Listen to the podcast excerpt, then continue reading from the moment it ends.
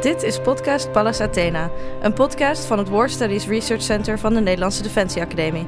Ik ben Dorit Kool en samen met mijn collega Jurg Nol spreek ik met onderzoekers over hun recente publicaties en belangrijkste onderzoeksresultaten op het gebied van oorlog, conflict, samenwerking en vrede. Wie is onze huidige gast, Jurg? Vandaag hebben we Mark Voskou te gast, hoogleraar wapen- en luchtvaartsystemen. We hadden al eerder in een Pallas Athena special over de Research Center dag kort met Mark gesproken en vandaag willen we graag meer over zijn onderzoek weten. U begrijpt het al, voor Dorit en mij voor dit een oefening in wetenschappelijke bescheidenheid, zo dat kan, maar ook een heel leuke uitdaging. Welkom Mark. Ja, dankjewel. Leuk om hier te zijn. Ja, echt fijn dat het uh, lukt is. Want je bent natuurlijk uit het verre den Helden ook aankomen reizen, althans bijna. Dus uh, leuk ook dat het in de drukte van de spits allemaal goed is gekomen. Ik zei net, zo, dat met die leuke uitdaging, maar eerlijk is eerlijk, uh, voor een niet-techneut zijn jouw publicaties meestal een gesloten boek. Meer dan 35 jaar geleden had ik wiskunde A en B in mijn pakket, maar als ik naar jouw publicaties kijk, dan word ik toch echt wel een beetje duizelig van alle tabelletjes en grafieken. Kun je heel kort in gewone mensentaal uitleggen wat jouw leerstoel inhoudt en wat de kern van jouw onderzoek is? Ja, ja zeker. Uh, mijn leerstoel. Uh, allereerst, wij werken met een uh, man of zeven in de leerstoel en ook een aantal externe promovendi. Um, en wij doen eigenlijk hoofdzakelijk onderzoek naar drie, ja, drie hoofdlijnen, zal ik maar zeggen. Um, we hebben bijvoorbeeld lucht- en raketverdediging is één ding. Dan kijken we bijvoorbeeld naar nou, wat we nu in Oekraïne zien, Iraanse drones, et cetera maar ook het gebruik van uh, hypersone wapens. En, en ook, ja, wat, wat doe je tegen die nieuwe ontwikkelingen? Dus dat is er één. Um, een tweede aspect is uh, helikopters. Dus we hebben een heel uh, ja, palet aan wetenschappers, van fundamentele aerodynamica tot aan mensen die de vluchtsimulatoren kunnen bouwen tot aan mensen die gewoon praktische ervaring met vliegproeven hebben. Uh, en, ja, en met al die kennis aan boord kunnen we best veel nuttige dingen doen uh, in het kader van helikopteroperaties. Um, ja, en het laatste waar we aan werken is eigenlijk de ontwikkeling van nieuwe drones. Dus eigenlijk onze eigen drones voor onze eigen krijgsmacht. Dit is inderdaad hartstikke actueel. En we gaan geheid, uh, beste luisteraars, straks uitgebreid in nog op Oekraïne. Um, maar ik wil eventjes een paar jaar terug, namelijk terug naar Afghanistan. Uh, een van jouw zwaartepunten in je onderzoek is ook de inzetbaarheid van helikopters. Uh, in Afghanistan werden, onder, deze onder zeer zware omstandigheden ingezet. Welke problemen traden tijdens de inzet op? Ja, Afghanistan is natuurlijk een, een gebied waar, uh, waar het heel warm kan zijn. Uh, je zit soms ook op grotere hoogte, dus dan, dan is de luchtdruk lager. En dat is voor motoren van een helikopter niet prettig. Die leveren dan minder vermogen en ja, dan heb je gewoon slechtere prestaties. Nou, daar komt nog eens bij dat in zo'n land is veel zand en stof. Dus tijdens het landen opstijgen kan je van die stofwolken krijgen, zogenaamde brownout. Dus dan zie je niet meer goed.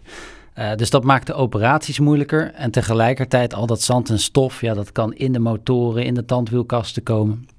Dus dat is voor het hele onderhoud best wel uh, problematisch. Um, nou is het wel zo dat in Afghanistan uh, de, de tegenstanders, de Taliban, Al-Qaeda, die hadden bijvoorbeeld wel beschikking over uh, manpads, dus uh, ja, uh, luchtdoelwapens die ze mee kunnen nemen. gewoon dragen, zou ik maar zeggen. Um, en als je nu naar een recenter conflict kijkt, als Oekraïne, wat, ja, wat vergevender is voor helikopters, daar zie je wel dat dat soort wapens weer in veel grotere getalen aanwezig zijn. Um, dus de, de grootste uitdaging in Afghanistan is denk ik meer het, het onderhoud van helikopters datzelfde we natuurlijk ook in Mali kregen ook hetzelfde problematiek. Wat betekent dat voor de inzet daadwerkelijk? Hebben, we daar ook echt hinder ondervonden of konden we dit enigszins oplossen? Um, nou, in principe, um, helikopters worden gewoon netjes onderhouden. En er zijn allemaal procedures voor om ervoor te zorgen dat, je, uh, dat het gewoon veilig is om, om ermee te vliegen. Um, dus het, ja, het, het belangrijkste is eigenlijk dat je wil dat je zoveel mogelijk helikopters beschikbaar hebt uh, die, die inzetbaar kunnen zijn. Um, dus mijn, mijn onderzoek kan eigenlijk helpen om, um, als je op basis van echte vluchtdata, dus het echte gebruik van die helikopter, om dan in een, in een soort van virtuele wereld na te spelen wat die helikopter heeft gedaan. En op basis daarvan kan je dan zien hoeveel ja, schade die helikopter eigenlijk heeft opgelopen. En dan kan je daarmee je, je, onderhoud beter inplannen. Dus jullie hebben nu manieren gevonden om tot oplossingen te komen en beter te begrijpen wat die problemen of uitdagingen zijn. Zie je ook dat die oplossingen in de praktijk worden toegepast of blijft het bij kennis? Uh, nou, dat, is een langzaam iets wat, uh, wat in, in, beweging begint te komen. Dus een, eh, een uh, fabrikant van vliegtuigen en helikopters, die, die hebben een soort van handboek waarin staat van nou, om de zoveel tijd moet je deze onderdelen checken, vervangen, onderhouden. Um, en, en bij het opstellen van dat hele handboek gaan ze uit van een soort gebruikspatroon. Hè, dus een, een ontwerpspectrum noemen ze dat. Nou, en als, als je daarvan afwijkt, nou ja, dan kan dat twee dingen betekenen. Of, of je beschadigt, tussen aanhalingstekens, de helikopter wat minder. Nou ja, als je dan onderhoud moet doen, dan is dat jammer, want je had eigenlijk nog langer kunnen doorvliegen. Dus dat is qua, qua kosten en inzetbaarheid gewoon een gemiste kans. Um, kan ook zijn dat je juist een helikopter op zo'n manier inzet dat hij eerder stuk zal gaan dan de fabrikant voor ogen had. Nou, als dat het geval is, dan, ja, dan is dat natuurlijk een veiligheidsaspect. Um, ja, we zien nu eigenlijk een trend dat we iets meer gaan richting wat dan heet condition-based maintenance. En dat betekent dat je echt afhankelijk van de conditie van de helikopter uh, je onderhoud gaat inplannen. Um, en ik denk dat het gebruik van ja, simulatiemodellen waarmee je vluchten naspeelt, daar echt een belangrijke uh, hulpbron in kan zijn.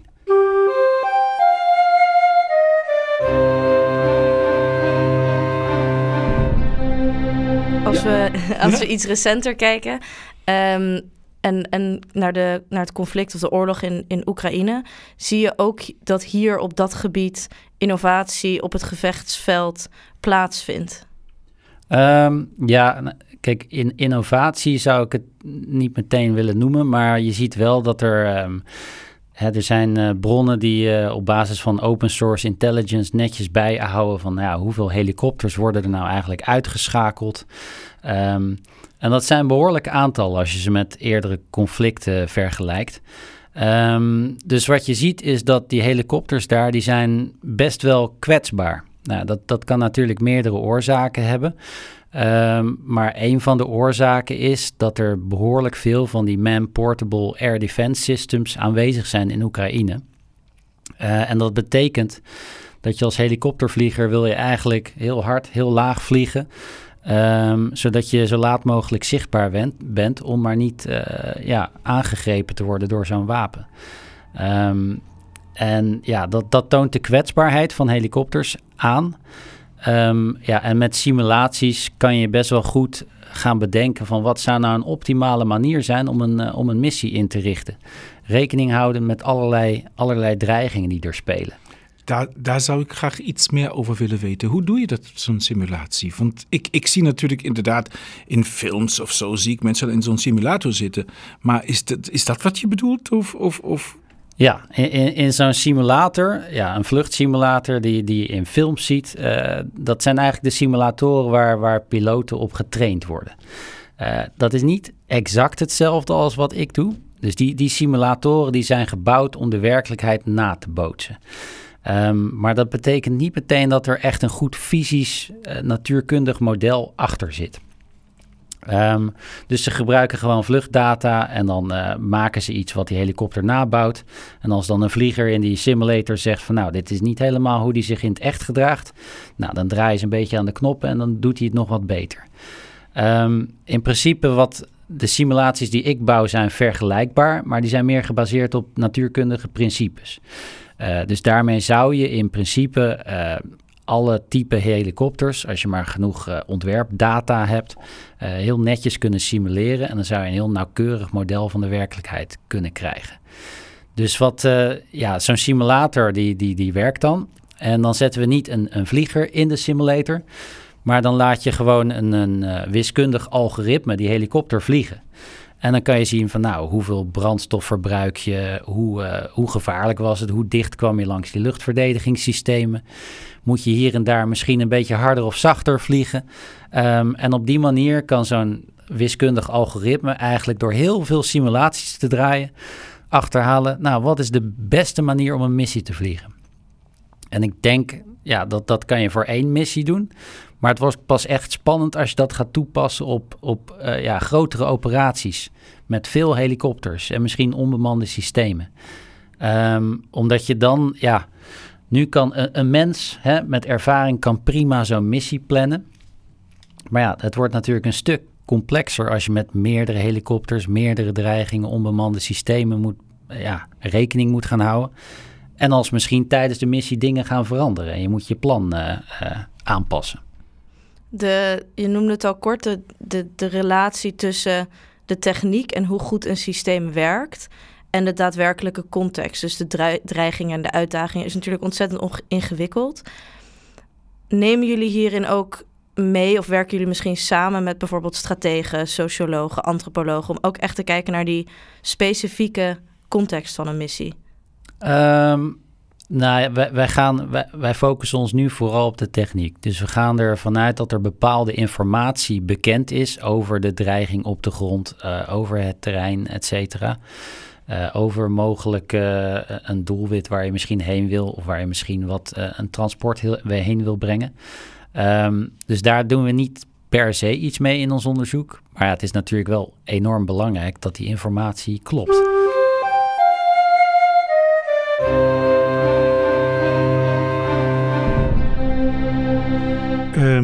Terug naar Oekraïne. Want ik denk toch linksom of rechtsom, de meeste luisteraars die, die zijn toch enorm bezig nu ook met Oekraïne. Zie jij nog innovatie op het gevechtsveld, dus los van helikopters, op het gebied van wapen- en luchtvaartsystemen? Um, ja, nou, de, de grootste innovatie, althans uh, die ik zie, uh, is in het gebruik van, van onbemande systemen. Uh, en dan heb ik het van de kleine commercieel beschikbare onbemande systeempjes tot aan de, de grotere systemen, zoals misschien de welbekende Bayraktar-drones uh, die in Turkije worden gefabriceerd. Um, dus je ziet dat die systemen worden heel wijdverbreid ingezet voor een heel scala aan verschillende toepassingen. Zou je daar iets meer... Ja, welke, welke toepassingen? Uh, ja, dat, dan kan ik bijna een hele waslijst gaan, gaan opnoemen. Um, maar het belangrijkste is denk ik uh, allereerst verkenning. Hè? Dus met een onbemand vliegtuigje heb je gewoon een extra paar ogen in de lucht. Um, en daar kan je van alles mee. Dus je kan er bijvoorbeeld uh, artillerie mee ondersteunen. Heel simpel gezegd uh, bijsturen. Dus als ze iets meer een andere kant op moeten schieten, dan kan dat doorgegeven worden. Misschien zelfs automatisch als je een uh, militaire drone hebt. Um, je kan die drones ook gebruiken voor elektronische oorlogsvoering. Ze kunnen gebruikt worden om voor kleine pakketjes te transporteren. Uh, we zien ook de bewapende drones. Hè? Dus dan is het gewoon een platform om een, uh, bijvoorbeeld een geleide raket mee af te vuren, waarmee een, een, tank wordt, uh, wordt aangevallen. Um, en één ja, wat, wat nieuwere ontwikkeling is denk ik de, de inzet van kamikaze drones. Dus in technische termen worden dat loitering munitions genoemd. Dus dat zijn eigenlijk um, ja, wapensystemen die rondhangen boven het slagveld. Um, ja, en kunnen worden ingezet wanneer nodig. Dus dat zijn ja, onbemande vliegtuigen, waarin in de neus een, explosieve lading zit. En zo'n vliegtuig stort dan neer op een, op een tank of op een gebouw uh, en, en pleegt zo een aanval. En worden deze verschillende soorten drones in het geval van Oekraïne door beide partijen gebruikt? Of zie je daar ook verschil in?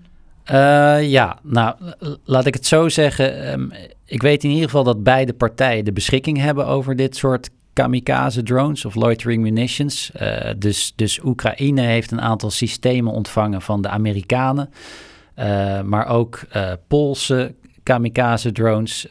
en ze hebben ook wat, wat drones van eigen makelij. Um, en aan de andere kant zie je dat de Russen, die hebben ook een aantal systemen. Die, eh, die zijn ontwikkeld uh, onder andere door uh, ja, Zala Aero Group. Dat zegt jullie waarschijnlijk niks, maar als ik vertel dat dat een soort van uh, moederbedrijf is dat ook de Kalashnikov produceert, dan is dat misschien wat bekender. Ja. Dus dit, ja, dit noemen zij de, de Kalashnikov van de toekomst. Um, dus dat soort systemen hebben, hebben zij. En sinds, ja, sinds kort eigenlijk, sinds ja, medio september, maken ze ook gebruik van, uh, van Iraanse loitering munitions. En die zijn de laatste tijd het meeste in het nieuws. Even over de loitering munition. Um, ik, ik, ik, ik kan me voorstellen van dat je ook daar verschillen hebt. Um, bijvoorbeeld loitering munition, of dat is een vraag eigenlijk. Heb je loitering munition dat constant mensen daar ook mee bezig moeten zijn? Of heb je daadwerkelijk ook loitering munition die met een soort algoritme, zoals je dat net voor die helikopters ook hebt genoemd, gewoon rond blijft zwerven. En op het moment dat het systeem iets ontdekt, dat het eigenlijk bijna autonoom uh, erop afgaat. Um, ja, dat is best een, lastige vraag in zekere zin. Omdat het, um, nou ja, als je niet bij die bedrijven werkt, uh, heel moeilijk te achterhalen is wat voor elektronica en software er precies in zit. Um, maar wat je wel ziet uh, in Oekraïne, maar ook in uh, bijvoorbeeld het Midden-Oosten, is dat je ziet eigenlijk twee, een beetje twee types. Dus je ziet de loitering munitions, die worden afgevuurd om over een grote afstand bijvoorbeeld een, een, een doel te raken. Nou, die gaan eigenlijk gewoon hun eigen weg en die zijn naar een locatie gestuurd. Um, en daar zit niet meer iemand uh, achter de stuurknuppel tussen aanhalingstekens om hem te besturen. Um, en je ziet de wat kleinere loitering munitions, die bijvoorbeeld uh, door, door special forces in het veld uh, gelanceerd kunnen worden waarbij er een operator op de grond uh, gewoon een, een soort van iPad voor zijn neus heeft, uh, waarmee die uh, gewoon beelden vanuit die loitering munition ziet. en waarmee die dan kan aangeven, nou dat is een, een vijandelijke eenheid en daar moet je op toeslaan. En dat is in zekere zin semi-autonoom, of nou het, het, is meer geautomatiseerd, uh, omdat je, je hoeft hem niet meer handmatig te besturen, maar je geeft meer commando's van ga naar die positie of val dat doelwit aan. Maar je hoeft niet meer met een joystick uh, te sturen of zo. En wat is tot nu toe de, nou, wat jullie weten en jullie kennis over de precisie van deze wapens? Um, nou, dat, dat, dat verschilt heel erg per type, type loitering munition. Um, dus dan moet ik een beetje afgaan op, mijn eigen kennis als vliegtuigbouwer van wat, wat kan zo'n toestel nou inherent qua precisie. Dus dat is wat hij zou, kunnen. En dan is de vraag, wat kan hij dan ook in de praktijk? Want hij moet natuurlijk sensoren gebruiken om ergens neer te komen. Dus als we kijken naar bijvoorbeeld die, eh, die Iraanse uh, loitering munitions, nou, die kunnen nou meer dan duizend kilometer vliegen. De, de, de fabrikant zegt 2000 kilometer. Ik denk dat dat een beetje optimistisch is of een verkoopverhaal. Maar ze kunnen heel ver vliegen. Uh, en ze kunnen naar een GPS-locatie worden gestuurd. Um, en nou, dat is niet super nauwkeurig. Uh, en ze kunnen daar ook in gestoord worden door een, door een tegenstander. Um, maar daarmee is het heel goed mogelijk om een, een groot statisch doelwit, zoals een gebouw, te treffen. En nou lijkt het erop dat die Iraanse loitering munitions ook uh, andere sensoren aan boord hebben. Zoals uh, ja, infraroodsensoren en, en sensoren waarmee ze de signalen van een radarsysteem kunnen uh, oppikken. Um, dus het lijkt erop dat ze in staat zijn om naar een doelgebied te vliegen. Als ze dan bijvoorbeeld een warmtebron zoals een tank of een, of een radarstation zien, dan kunnen ze daarop aanvallen. En als ze dat niet zien, dan gaan ze gewoon naar dat statische doel toe, wat, wat toch wel een stukje makkelijker te treffen is. En zijn deze uh, innovaties of misschien ook wel tekortkomingen die je benoemt, meer een kwestie van de software of de hardware, de, de interne systemen of het fysieke ding zelf? Um, ik, ik denk dat het uh, vooral het fysieke ding met zijn sensoren zelf is. Dat, uh, kijk, qua software kun je van alles bedenken. En ik denk dat we daar nog best wel grote ontwikkelingen in kunnen gaan zien in de toekomst. Um, maar het is vooral de software en de hardware, ja. En wat een eventuele tegenstander doet om dat te ontregelen. Nu zien we natuurlijk ook een enorme conventionele oorlog in Oekraïne. Um, kun je al inschatten zo'n beetje, wat is nou de, de, de, de toegevoegde waarde van deze, ik zeg maar, nieuwe soort wapensystemen? Um, nou ja, je kan eigenlijk, um, als je in het veld, bijvoorbeeld Special Forces, je kan heel snel je eigen luchtsteun regelen. Dus in een, in een conflict waar je geen luchtoverwicht hebt, kan je lokaal toch een soort van uh, luchtmacht tussen aanhalingstekens creëren. Uh, dus dat is heel, heel handig. Um, ja, en één aspect waar we het nog niet helemaal over gehad hebben, dat, dat is het, uh, het kostenaspect. Dus ja, die Iraanse drones bijvoorbeeld, die, um, ja, die hebben ongeveer 2, 2,5 meter spanwijdte, ongeveer 20 kilo explosieven aan boord. Maar ze zijn vrij goedkoop om te, om te produceren. Dus je kan eigenlijk, dat is een beetje een schatting van mijn kant, maar ik vermoed dat je ze voor zo'n 20.000 dollar in elkaar kunt zetten. Um, nou, zet dat af tegen de kosten van, van de luchtverdedigingssystemen en, die en de raketten die gebruikt worden om ze te onderscheppen. Um, ja, dan is het kostentechnisch gewoon een heel handig systeem. Um, ja, ze zijn goedkoop. Je kan er veel afvuren. We zien ook dat er best wel een aantal onderschept worden. Uh, gisteren nog uh, zijn er weer een heel aantal, een stuk of negen onderschept. Uh, we hoorden vanochtend nog op het nieuws dat, dat Kiev, dat daar kritische infrastructuur werd aangegrepen door deze drones. Um, dus ze hebben hun beperkingen in hun werking, maar tegelijkertijd, ja, ze zijn wel heel goedkoop. Uh, en je kan er behoorlijk ver mee vliegen. En zijn er nog andere uitdagingen, zowel offensief als defensief? Als je bijvoorbeeld kijkt naar hoe die systemen en de software daarvan bijvoorbeeld gehackt kunnen worden? Um, ja, ik, ik, denk de één grote uitdaging is, uh, is de verdediging ertegen. Dus, dus wat doe je hier nu precies tegen? Um, wat dus, natuurlijk ook onderdeel is van jouw leerstoel, om ja, daarover na te denken. Ja, dus. ja, ja klopt. Dus ja, er zijn eigenlijk een aantal uh, opties mogelijk om er iets tegen te doen. Um, maar het begint ermee dat je ze detecteert. Je moet eerst weten dat ze er aankomen. En een, een traditionele radar is ingesteld om vliegtuigen op grote hoogte te detecteren. Uh, die, die van metaal gemaakt zijn, die behoorlijk groot zijn. Um, en dat is heel wat anders dan een klein, langzaam, laagvliegend systeempje. Uh, wat misschien deels van uh, vezelversterkte kunststoffen gemaakt is. Wat misschien een klein motortje heeft, wat niet zoveel hitte uitstraalt. Wat een klein propellertje heeft, wat niet zoveel geluid maakt. Dus de detectie is, is inherent lastiger. Um, en nu, nu is het niet onmogelijk om die systemen te detecteren, maar het vraagt wel een omschakeling. Uh, en dat betekent ook dat we nieuwe systemen moeten ja, aanschaffen en in het veld brengen bij alle eenheden om ze tijdig te zien aankomen.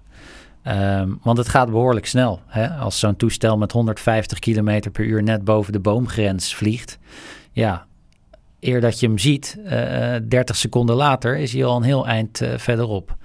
Dus dat is wel, wel heel belangrijk. Um, ja, wat, wat doen wij dan als leerstoel hierin? Um, wij focussen ons nu toevallig in één de defensietechnologieproject op één specifieke manier van detecteren. Um, en die manier die heeft te maken met, uh, met akoestiek. Dus kun je ze aan horen komen. Um, want we zien eigenlijk wereldwijd dat er honderden systemen ontwikkeld worden om die drones te, te detecteren. Maar één nichegebied waar wij denken nog wel het een en ander te halen is, is uh, ja, het detecteren op basis van geluid in, een, uh, in, in bijvoorbeeld een stedelijke omgeving met veel achtergrondgeluid. Ja, zie daar maar eens zo'n zo'n zo'n quadcopter uh, bewapend ja, te detecteren. Hè. Je kan daar niet met radarsystemen tussen de gebouwen gaan staan. Um, dus dat is denk, denken wij een hele relevante toepassing. Ook voor het beveiligen van evenementen of bijvoorbeeld een havengebied of een, uh, een, luchthaven. Um, en tegelijkertijd vinden wij dat wel leuk, omdat er ook hele fundamentele um, ja, wetenschappelijke vraagstukken achter zitten. Dus het is zowel voor de toepassing als voor de wetenschap heel interessant. Het lijkt bijna een beetje op de sonars van de oude onderzeeërs die echt proberen tussen al die geluiden achter te komen. Is het nou een walvis of een uh, tegenstander? Ja, ja, inderdaad. En um, ja, het, het, aardige hiervan is, is dat je, je maakt gebruik van microfoons om geluid te registreren. En microfoons zijn heel goedkoop. Um, en je kan er heel veel uh, op verschillende locaties neerleggen. Dus met één microfoon is misschien lastig om iets te detecteren of om te bepalen waar komt het vandaan. Maar als je er veel hebt, en dat kan als je een groot terrein uh, beveiligt, ja, dan, dan kan je daar best wel wat, uh, wat winst mee behalen. En als je dat dan koppelt met bijvoorbeeld wat ja, slimme algoritmes die al die data gaan verwerken. En eventueel andere sensoren, zoals een camera die kan inzoomen op, het, op de dreiging. Ja, dan, dan heb je iets uh, wat wel heel nuttig kan zijn, denken wij. En zijn er nog andere bevindingen die jullie zijn tegengekomen tot nu toe in het onderzoek? Um, over dit specifieke onderzoek ja, praat je Over het uh, gebruik van geluid en... Um, ja, wij zijn dit onderzoek eigenlijk uh, pas net opgestart. Dus uh, hopelijk volgende week, uh, als het weer een beetje meewerkt, gaan de eerste ja, testen, experimenten plaatsvinden. Waarbij we gecontroleerd gaan rondvliegen met verschillende onbemande vliegtuigen. En kijken hoe goed we die kunnen detecteren en uh, kunnen volgen met camera's. En, en of we die data goed kunnen verwerken.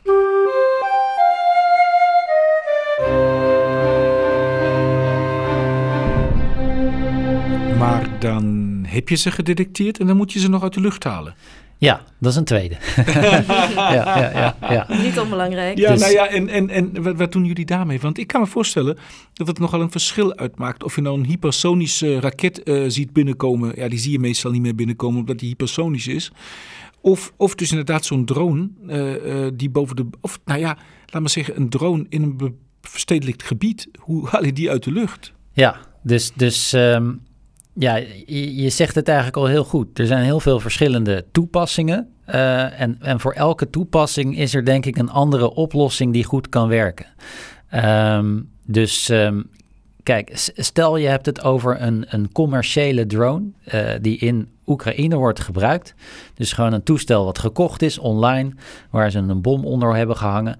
Ja, hoe hou je die tegen? Nou, zo'n systeem is niet door een militaire fabrikant ontwikkeld. Dus die kan je bijvoorbeeld heel goed met stoorzenders tegenhouden. je stuurt een, uh, een sterk stoorsignaal de lucht in. Nou, dan werkt de GPS niet meer. Dus dan weet dat systeem niet meer van waar, ja, waar ben ik nu eigenlijk. Dus dan kan hij zijn missie niet voltooien. Um, nou, dat werkt misschien op zo'n commercieel platform.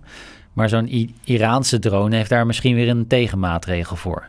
Dus die kan misschien ook uh, navigeren op basis van een LoRaN-systeem. Dus dat zijn uh, ja, zendmasten vanaf de grond die een veel sterker signaal sturen. Dus dat, dan wordt dat ingewikkelder. Dat kan je minder makkelijk storen. En die hebben bijvoorbeeld ook een inertial navigation system. Dus dat zijn sensoren aan boord, ja, bewegingssensoren. Uh, dus daarmee kan je bepalen, ja, wat is je beweging? En als je dat registreert over de tijd, nou, dan kan je best goed schatten waar je bent. Nou, dat werkt een tijdje goed, maar stel jezelf voor, je doet je ogen dicht en je loopt hier naar de deur. Dat lukt misschien nog wel, maar het gebouw uit, ja, dan ben je wel de weg kwijt waarschijnlijk. Maar als een militaire drone meerdere van dat soort systemen ja, combineert, ja, dan heeft zo'n stoorzender weinig effect. Maar ja, dan zijn er ook weer andere tegenmaatregelen. Dus je kan ook denken aan uh, ja, het, het onderbreken van de, uh, de radioverbindingen. Dus als je met zo'n operator op de grond werkt en je weet die radioverbinding te, te verstoren of uh, door een ander signaal te, te sturen, ja, dan kan je misschien zo'n drone overnemen of de operator kan hem niet meer besturen. Nou, dat, dat is een oplossing. Um, wat ook kan is, uh, is, is het gebruik van, uh, van lasers. Dat, dat, klinkt een beetje als science fiction, maar als je een laser richt op een, op een drone, ja, dan kan je daar twee dingen mee bereiken. Je kan hem ofwel uh, verblinden, of je kan gewoon ergens een klein gaatje inbranden door de hitte en dan, dan, nou ja, dan, dan werkt hij niet meer. Um, je kunt denken aan in, in een stedelijke omgeving. Stel, we hebben een concert in Amsterdam. Ja, dan wil je natuurlijk niet met luchtdoelgeschut aan de slag.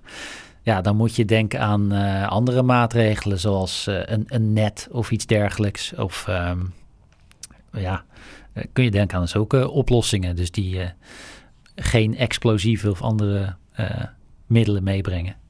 Het is natuurlijk ook interessant om te kijken wat dit voor ons betekent, voor ons als Nederland. Zie jij hier nog kansen in voor de Nederlandse industrie? Um, ja, ik denk het wel. Kijk, enerzijds worden wereldwijd enorm veel van deze systemen ontwikkeld. Um, maar anderzijds um, is het wel een heel kennisintensief iets. Er zit uh, achter die algoritmes zit veel kennis. Voor die sensoren heb je veel kennis nodig. Um, maar tegelijkertijd heb je geen grote maakindustrie nodig. Hè? Je hebt geen grote fabriekshallen nodig. Dus ik denk dat is iets wat heel goed past bij ons kennisintensieve land. Hè, we zijn een land. ehm, ja, ik heb de getallen niet nagetrokken, maar als ik me niet vergis, hebben wij per hoofd van de bevolking eh, ja, bijna het meeste luchtvaarttechnische ingenieurs ter wereld. Eh, en, en ingenieurs in aanverwante vakgebieden. Ehm, dus we hebben veel kennis op dit terrein, ook uit het verleden.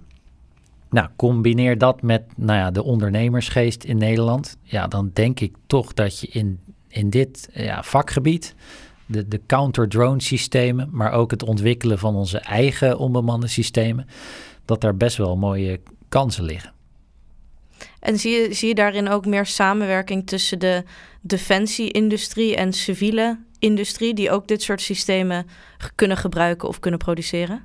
Ehm, ja, ik, ik denk het wel. Ik denk dat eh, om, om, de ontwikkeling van nieuwe onbemande vliegtuigen of, of counter-drone systemen tot stand te brengen, ehm, ja, dan moet je denk ik heel goed samenwerken tussen de, de eindgebruiker, Defensie met zijn eisen, misschien civiele partners zoals een Schiphol of een Rotterdamse haven.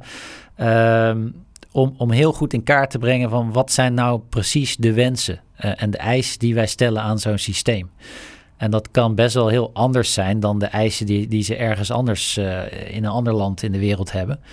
Eh, dus dat maakt juist dat het voor de, onze industrie denk ik wel een kans is.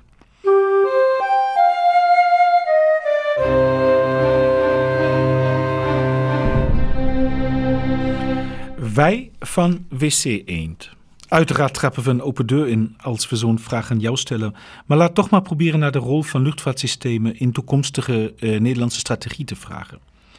Wat is de toegevoegde waarde en vooral het onderscheidend vermogen van helikopters en nou ja, met name drones? We hebben nu heel veel over drones gesproken ten opzichte van bijvoorbeeld de traditionele wapens als tanks, houwitsers en schepen. Ja, ja, eh, mooie vraag. Ehm, ik, ik denk dat het goed is om ja, allereerst vast te stellen dat, kijk, in een conflict waarbij een gebied geannexeerd wordt of eh, wat je probeert te bevrijden. Kijk, uiteindelijk zijn het geen drones die een gebied innemen. Hè? Het zijn uiteindelijk de mensen op de grond die met hun laars in de modder staan die dat doen. Ehm, dus ja, alles moet er denk ik op gericht zijn om dat zo goed mogelijk te ondersteunen.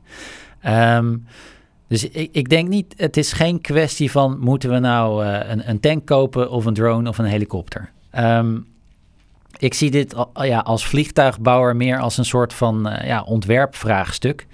Dus uh, ja, in de vliegtuigbouw, als je een nieuw vliegtuig fabriceert, dan moet je rekening houden met heel veel verschillende eisen.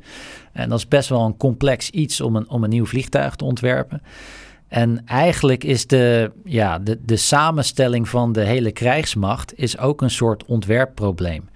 Dus wat is de optimale samenstelling qua uh, aantallen tanks, howitzers, schepen, drones, helikopters? Uh, ja, om voorbereid te zijn op het volgende conflict. Um, en ja, en het moeilijke daarbij is dat je natuurlijk niet weet wat voor conflict dat gaat zijn. Dus je moet dan rekening houden met verschillende scenario's. En uiteindelijk natuurlijk ook met het, het budget en de middelen die je ter beschikking hebt. Um, maar dat gezegd hebbende, denk ik dat nou ja, helikopters uh, en drones uh, best wel een aantal uh, ja, nieuwe handige capaciteiten kunnen meebrengen die andere wapensystemen niet hebben. Um, dus, dus als je het hebt over helikopters, ja. Um, Eén ontwikkeling waar we het nu nog niet over gehad hebben, ja, dat is de Future of Vertical Lift, zoals dat mooi heet. Um, en dat is eigenlijk de ontwikkeling van de volgende generatie helikopters. En het idee van die helikopters is dat ze ja, eigenlijk veel harder kunnen vliegen dan de huidige helikopters. Bijna twee keer zo hard. Um, ja, combineer dat met de mogelijkheid om verticaal te kunnen opstijgen en stil te hangen. Nou ja, dan kan je daarmee dus heel goed missies doen uh, diep in vijandelijk gebied. Of als je bijvoorbeeld iemand moet bevrijden van een ambassade op, op grote afstand van waar je eigen eenheden hebt. Nou ja, dat, dat zijn capaciteiten die je niet hebt met andere uh, wapensystemen. En als je het hebt over ja, drones, onbemande systemen. Ik zie dat meer als een... Um, kijk, je hebt de grote onbemande systemen zoals de Reaper. Nou, dat, dat is een product op zich. Dat is eigenlijk gewoon een volwaardig vliegtuig. Maar de, de wat kleinere onbemande vliegtuigjes, ja, die zie ik meer als een soort van extensie van de bestaande systemen. Dus een marineschip, ja, kan prima een, een hele hoop kleine onbemande vliegtuigjes lanceren om extra uh, sensoren in de lucht te hebben. Dat, datzelfde geldt voor een transportvliegtuig. Daar kan je uit de achterkant gewoon een, uh, een zwerm van, van onbemande vliegtuigen lanceren. Die dan boven een vijandelijk gebied gaan vliegen uh, zonder dat je een, een, een, vlieger in gevaar brengt. Um, en hetzelfde geldt voor de, de grondtroepen. Hè? Dus onbemande vliegtuigjes kunnen helpen om te verkennen, om te zien wat er, wat er in de verte gebeurt. Of voor elektronische oorlogsvoering. Dus daar zie ik het gewoon als een soort van extensie van, van wat we al hebben. Ik heb een kip-ei-vraag. Zie jij dat conflict eerst ja, dat conflict aan het veranderen is en dat systemen en innovaties daarop reageren? Of andersom, dat systemen aan het veranderen zijn en dat we steeds meer aan het innoveren zijn, waardoor de manier waarop conflicten en oorlogen gevoerd worden ook veranderen en daarbij de, nou ja, de optimale samenstelling van hoe je zo'n conflict zou tegen kunnen gaan? Ja, mooie vraag. Geen makkelijke vraag. Nee, meestal met het kip-ei-verhaal uh, kom je er niet uit. Die discussie had ik laatst ook met mijn dochter van negen. We zijn, we zijn niet tot een oplossing gekomen.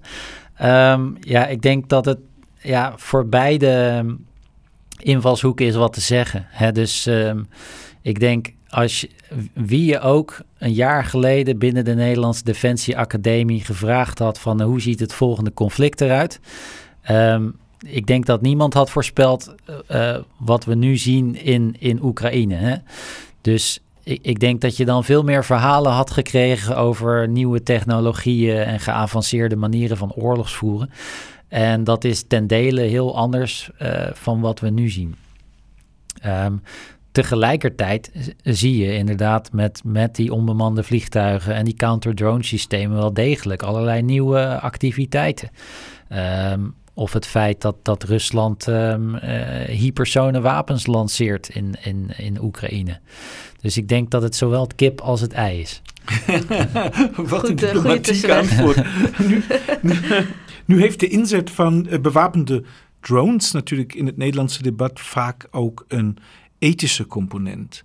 In hoeverre hou jij je ook bezig in jouw onderzoek met dit soort vraagstukken? Um, ja, nou kijk, die, die ethische component is een, is een belangrijke. Alleen vind ik het jammer dat in het huidige debat uh, niet echt gaat over de dingen waarvan ik denk dat het waar het over zou moeten gaan. Um, dus in het huidige ethische debat gaat het bijvoorbeeld over moeten we de Reaper bewapenen of niet? Dus wapens onder de vleugel hangen of niet? Uh, omdat een beetje het beeld heerst uh, dat, dat oorlog voeren dan een soort van computerspelletje wordt. En dat het veel laagdrempeliger wordt om met zo'n onbemand vliegtuig een aanval uit te voeren. Nou, eigenlijk is daar al heel veel over bekend. Um, en de Britten en de Amerikanen hebben dergelijke vliegtuigen in Afghanistan ingezet. En wat je dan ziet is dat de vliegers, die zitten weliswaar niet in het vliegtuig, maar die zitten in een, in een container uh, in het thuisland. Um, maar die volgen bijvoorbeeld wel een, een, een doelwit, een terrorist, wekenlang met camera's. Dus ze kennen hem bijna persoonlijk. Dan voeren ze na een week misschien een keer een aanval uit. Ze moeten checken of die aanval gelukt is. Dus ze zien daadwerkelijk de beelden van wat er aangericht is op de grond. Um, en dat is wel, wel degelijk um, ja, echt, echt heel belastend voor die vliegers. Komt nog eens bij dat ze dan aan het eind van die missie gewoon uit die container stappen en hun, uh, uh, hun kinderen van school gaan ophalen. Um, dus dat, die discussie vind ik ja, minder relevant. Dat heeft denk ik meer met voorlichting te maken. Ik denk dat de echte interessante discussie pas is van ja, um, wat kun je met algoritmes uh, die, die zelf beslissingen gaan nemen? Dus met de meer autonome systemen. Um, en nou ben ik persoonlijk um, niet echt bang voor wat een, een Nederlandse krijgsmacht daarmee zou gaan doen. Ik denk dat uh, iedereen zich daarvan bewust is dat je goed moet nadenken over welke beslissingen bij de mens moet blijven en welke bij het systeem moet blijven. Um, Dus heel simpel gezegd, stel je hebt een karretje, een onbemand karretje in het slagveld wat uh, mijnen gaat zoeken. Nou, ik denk dat iedereen het prima vindt dat hij helemaal zijn eigen gang gaat en zelf zijn beslissingen neemt. Um, ook met een luchtverdedigingssysteem, wat misschien een hypersoon wapen uh, of iets dergelijks moet uitschakelen. Ja, als dat te snel gaat voor de mens om actie te ondernemen en dat systeem kan heel snel informatie verwerken en, een, uh, en zo'n dreiging uit de lucht nemen, ook dan denk ik dat het gebruik van autonome systemen helemaal uh, goed geaccepteerd kan worden. Het wordt pas anders als je gaat denken aan uh, situaties zoals die onbemande uh, kamikaze-drones. Um, beeldje is in dat je er meerdere van hebt die in een zwerm opereren en die zelf beslissingen gaan nemen boven een slagveld. Ja, dat is denk ik een relevanter vraagstuk. Maar nogmaals, um, ik denk niet dat de westerse mogendheden daar rare um, algoritmes voor zouden gaan ontwikkelen. Ik denk voor mij persoonlijk is het meer interessant om te kijken van ja, die, die, die ontwikkeling van die loitering munitions. Ja, hoe zou de volgende stap eruit kunnen zien? Als een tegenstander uh, uh, bijvoorbeeld een terroristische groepering zoiets gaat gebruiken. Wat, wat voor ja, tactieken zouden ze dan kunnen gaan gebruiken? Dus ja, in dat opzicht hou ik me wel een beetje bezig met die ethische component. Maar uh, ja, dat, dat is het wel. Betekent natuurlijk ook dat er nou ja, minder mensen in het veld uh, betrokken raken, omdat dit soort systemen ook een rol van de mensen kan overnemen. Bijvoorbeeld een drone in plaats van een helikopter waar een militair daadwerkelijk in zit. Wat betekent dat voor onze inzet, denk je, in de toekomst? En de tweede vraag daarbij uh, is: wordt onze innovatie, of wordt jullie innovatie en waar jullie mee bezig gehouden, ook deels tegengehouden door die politieke en ethische vraagstukken? Zouden we technisch gezien nog verder kunnen zijn dan we nu zijn, omdat we dat soort vraagstukken ook meenemen? Um, ja, mooi, mooi. Ik zal met de eerste vraag uh, beginnen. Um, ik denk niet dat het zo is dat we minder mensen nodig gaan hebben. Ik denk meer dat um, met dit soort systemen verandert de rol een beetje van wat iemand doet. Um, dus waar je nu bijvoorbeeld nog vliegers hebt die gewoon daadwerkelijk de Reaper besturen alsof ze in een cockpit zitten, dan stel ik me zo voor dat we in de toekomst misschien uh, mensen hebben die, uh, die een zwerm drones uh, besturen. Dan zitten ze niet meer achter de cockpit, maar dan zijn ze een soort van manager of commandant van hun onbemande team, zeg maar. Dus dat, dat zijn meer nieuwe rollen. Um, maar alle, alle oude rollen moet je natuurlijk ook nog steeds vervullen. Hè? Je wil nog steeds mensen in het veld hebben. Um, en ook als je naar uh, helikopters gaat, ja, kijk, als je, als je mensen wil oppikken uit het veld, uh, ja, dan zou je toch een grote helikopter nodig hebben. En vooralsnog is die nog steeds um, um, bemenst, zou ik maar zeggen. Um, dan ben ik even je tweede vraag. Uh, kan me voorstellen.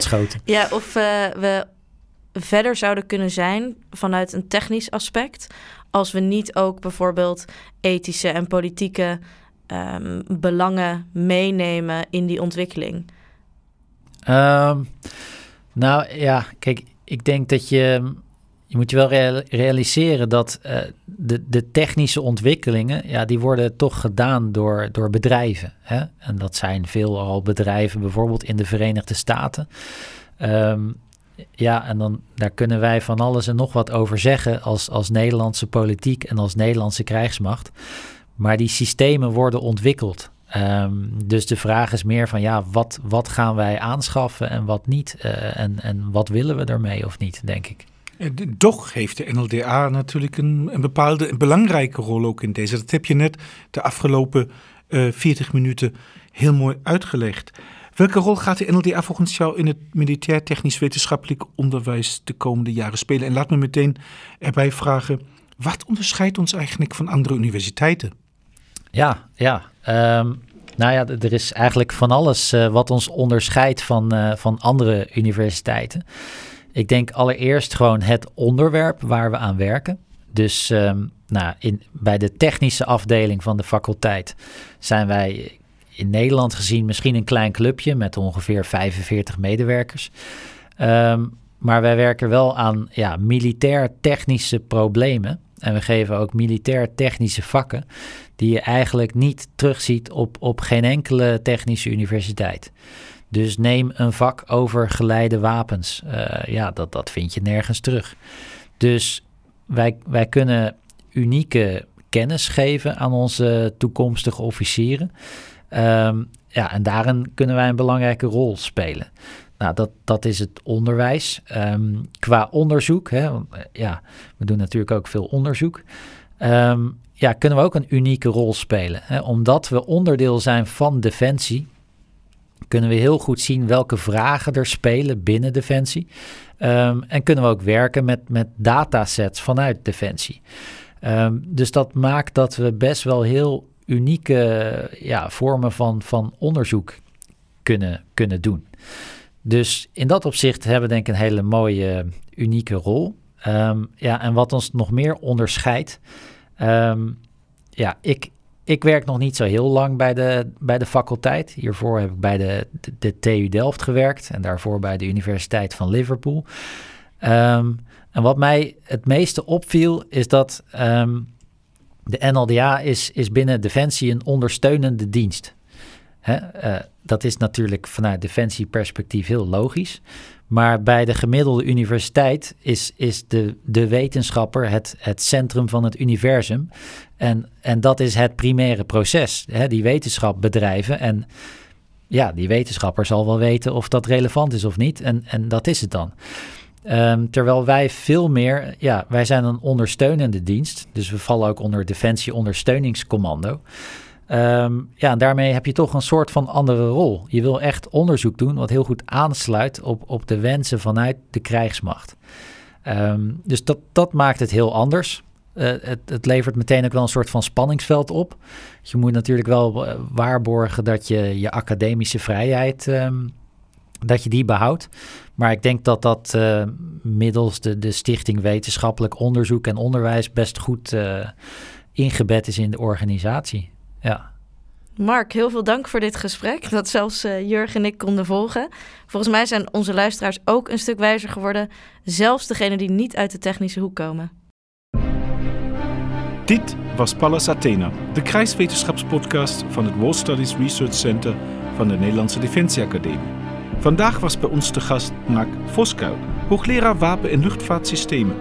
Hierin nam hij ons mee in de geheime wereld van de wonderbaarlijke techniek we hebben het over lucht- en raketverdediging, eventjes over helikopters, heel veel over drones, begrijpelijkerwijs. En Mark, je hebt het op een mooie en aangename manier aan ons uitgelegd. Ik kan me voorstellen dat na deze aflevering heel veel nieuwe studenten, kadetten en adelborsten naar Den Helder komen. Misschien het einde van de wereld, maar vooral belangrijk en spannend onderzoek. Dank je wel. Dank Mark. Dank je wel.